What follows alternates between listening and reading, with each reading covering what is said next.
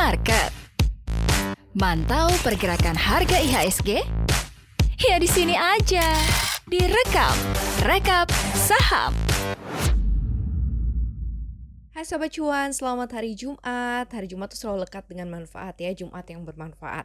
Semoga hari Jumat ini bisa menjadi manfaat buat Sobat Cuan, khususnya yang mau realisasi cuan atau yang mau mulai akumulasi saham-saham yang kemarin diincar ya. Sok bebas, ini hari Jumat, jadi bisa tentukan mau ke mana arah portofolionya. Senang sekali setiap hari, dan hari ini hari Jumat jam 8 pagi ada Maria Katarina direkam rekap saham harian sebelum kalian bertransaksi saham. Karena rekap, kita coba lihat ya ESG yang kemarin berhasil rebound, ternyata ini menguatnya 0,53 persen di 6.100 loh, level psikologis balik lagi. Dengan beberapa data yang lumayan signifikan, di mana 258 saham ini naik dan cukup membuat banyak pilihan atau memberikan banyak cuan untuk para investor. Yang jelas, investor asing di pasar saham masuk ke bursa tanah air dengan catatan beli bersih asing mencapai 58,75 miliar di pasar reguler. Sementara asing mencatatkan jual bersih di pasar negosiasi dan tunai sebesar 61,41 miliar rupiah. Ada beberapa dari saham yang menyita perhatian saya nih sobat cuan karena memang cuannya lumayan lumayan banget dan ini rata-rata hmm, dari capnya nggak gitu gede, tetapi kayaknya banyak faktor pendukung. Apa aja? Langsung aja kita masuk beberapa informasi sektor dan saham yang masuk ke dalam radar rekam hari ini. Next. Yang pertama ada saham BBYB atau Bank Neo Commerce yang memimpin dengan lonjakan harga 23,85 persen ditutup di level Rp675 per saham dan transaksinya nih gede banget 299,7 miliar. Kenaikan saham BYB ini terjadi di tengah kabar perusahaan finansial teknologi atau fintech PT Akulaku Silvers Indonesia alias Akulaku resmi menjadi pemegang saham pengendali BBYB setelah mendapat restu otoritas jasa keuangan dan hal tersebut terungkap dalam perancangan pengambilan Bank Neo Commerce oleh Akulaku yang dipublikasikan di Rabu 28 Juli kemarin. Dan pengumuman ringkas rancangan pengambilan ini juga sehubungan dengan kepemilikan Akulaku atas saham BBYB sekitar 24,98 persen. Dan sebagai akibat dari pelaksanaan penawaran umum terbatas PU3 atau right issue ini mengakibatkan BBYB terbang ya. Dan aksi ini pun juga uh, setelah fintech yang disokong oleh anak usaha Alibaba ini lulus uji kemampuan dan juga kepatutan fit and proper test ya sebagai pemegang saham pengendali.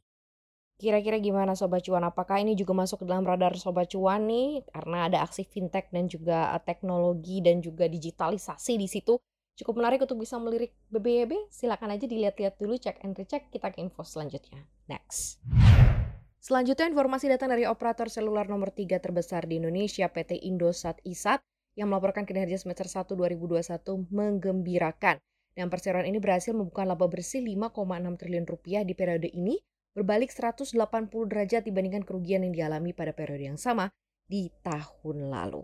Presiden Director of CEO Indonesia Uridu Ahmad Al-Niyama mengatakan bahwa Indosat Uridu secara konsisten mencatatkan kinerja keuangan yang kuat melalui eksekusi yang berfokus pada strategi transformasi. Dan tidak hanya itu saja, di kuartal kedua tahun 2021, Indosat Uridu pun mengumumkan peluncuran layanan 5G komersial pertama di kota Solo, di mana layanan 5G ini merupakan langkah selanjutnya dalam menghadirkan pengalaman kelas digital kelas dunia kepada masyarakat di Indonesia – di mana peluncuran di Solo ini menjadikan Indosat Uridu sebagai yang terdepan dalam pergelaran 5G di Indonesia. Menanggapi dampak pandemi COVID-19 yang terus berlanjut terhadap masyarakat Indonesia, Indosat Uridu pun meluncurkan inisiatif baru untuk mendukung pelanggan, karyawan, dan masyarakat. Wow, 5G to Indosat. Oh, tampaknya sudah siap nih ya. Kira-kira akan seperti apa nanti kiprahnya dan kontribusinya juga terhadap laporan keuangan selanjutnya. Silahkan dicek ya Sobat Cuan. Tapi Indosat cukup menarikkah buat Sobat Cuan? Kita disclaimer, serahkan ke Sobat Cuan. Kita ke info selanjutnya. Next. Kinerja Ciami juga diraih oleh emiten rumah sakit PT Sarana Meditama Metropolitan TBK atau SAME yang membukukan kinerja memuaskan sepanjang enam bulan pertama tahun 2021 di mana top line dan bottom line dari perusahaan dengan kode emiten SAME ini tumbuh cukup signifikan. Adapun segmen penunjang medis masih mendominasi pendapatan SAME di periode Januari hingga Juni 2021 hingga 210,24 miliar rupiah dan capaian ini juga meningkat 87,12 persen dari semester pertama tahun 2020 yang tercatat 111 112,36 miliar rupiah. Sementara segmen rawat inap yang mencatatkan pertumbuhan pendapatan paling tinggi hingga 208,71 persen secara year on year menjadi 118,54 miliar rupiah. Pertumbuhan dari sisi top line ini juga mampu membalikan keadaan bottom line Same di periode yang sama tahun lalu, di mana Same masih menanggung rugi 47,45 miliar rupiah.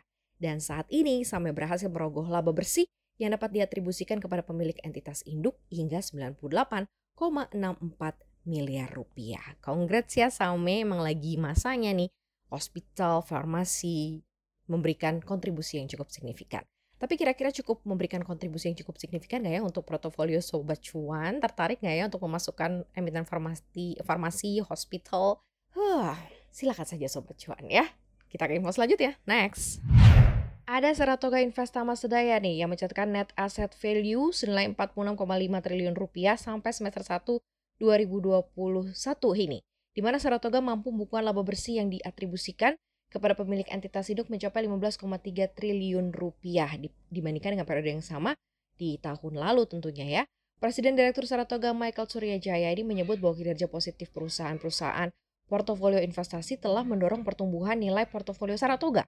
Presiden Direktur Saratoga Michael Suryajaya menyebut bahwa kinerja positif perusahaan-perusahaan portofolio investasi telah mendorong pertumbuhan nilai portofolio Saratoga. Tidak hanya itu, kinerja perusahaan portofolio investasi tersebut juga diikuti dengan pembayaran dividen yang konsisten sehingga turut memperkuat fundamental dari Saratoga. Nah, pencapaian NAV sendiri Saratoga di semester 1 2021 ini terdorong oleh kinerja saham sejumlah perusahaan portofolio investasi yang meningkat ya, terutama PT Tower bersama Infrastructure, Tebi, kemudian Merdeka Copper Gold, ada PT Mitra Pinastika Mustika dan juga PT Providence Agro Tbk atau PAM. Michael juga menambahkan bahwa Saratoga akan terus menjalankan strategi diversifikasi dalam berinvestasi dan disiplin dalam mengelola keuangan untuk menjaga keberlanjutan bisnis dalam jangka panjang.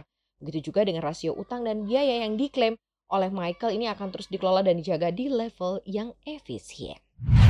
Nah gimana Sobat Cuan, beberapa informasi yang sudah disampaikan tadi oleh Maria direkam ya, rekap saham harian sebelum kalian transaksi saham. Ada beberapa informasi-informasi yang cukup menggugahkah? Nah ini disilahkan saja nih untuk para Sobat Cuan bisa memilih mana yang oke, okay, mana yang kurang oke. Okay. Pasti dari Jumat ini selalu Maria pesankan ya buat sobat cuan yang mau weekendan, aduh tunggu dulu ya, kondisi masih belum safe, masih belum aman, jadi prokes masih harus tetap ketat dan juga pastikan sobat cuan yang masih bisa di rumah aja tetap di rumah aja. Jangan lupa ya dengerin cuap-cuap cuan Senin sampai Jumat pastinya dengan topik-topik menarik di Spotify, Apple Podcast, dan juga Google Podcast. Pastikan ya. Sobat Cuan juga untuk follow akun Instagram kita di @cuap underscore dan follow YouTube channel kita juga ya di cuap cuap cuan. Rekam akan selalu ada Sobat Cuan sebelum transaksi, sebelum jam 9 selalu ada ocehan dari Maria Katarina. Pastikan Anda tetap jaga kesehatan di weekend ini. Kita ketemu minggu depan ya. Sampai jumpa. See you guys. Bye bye. I love you all.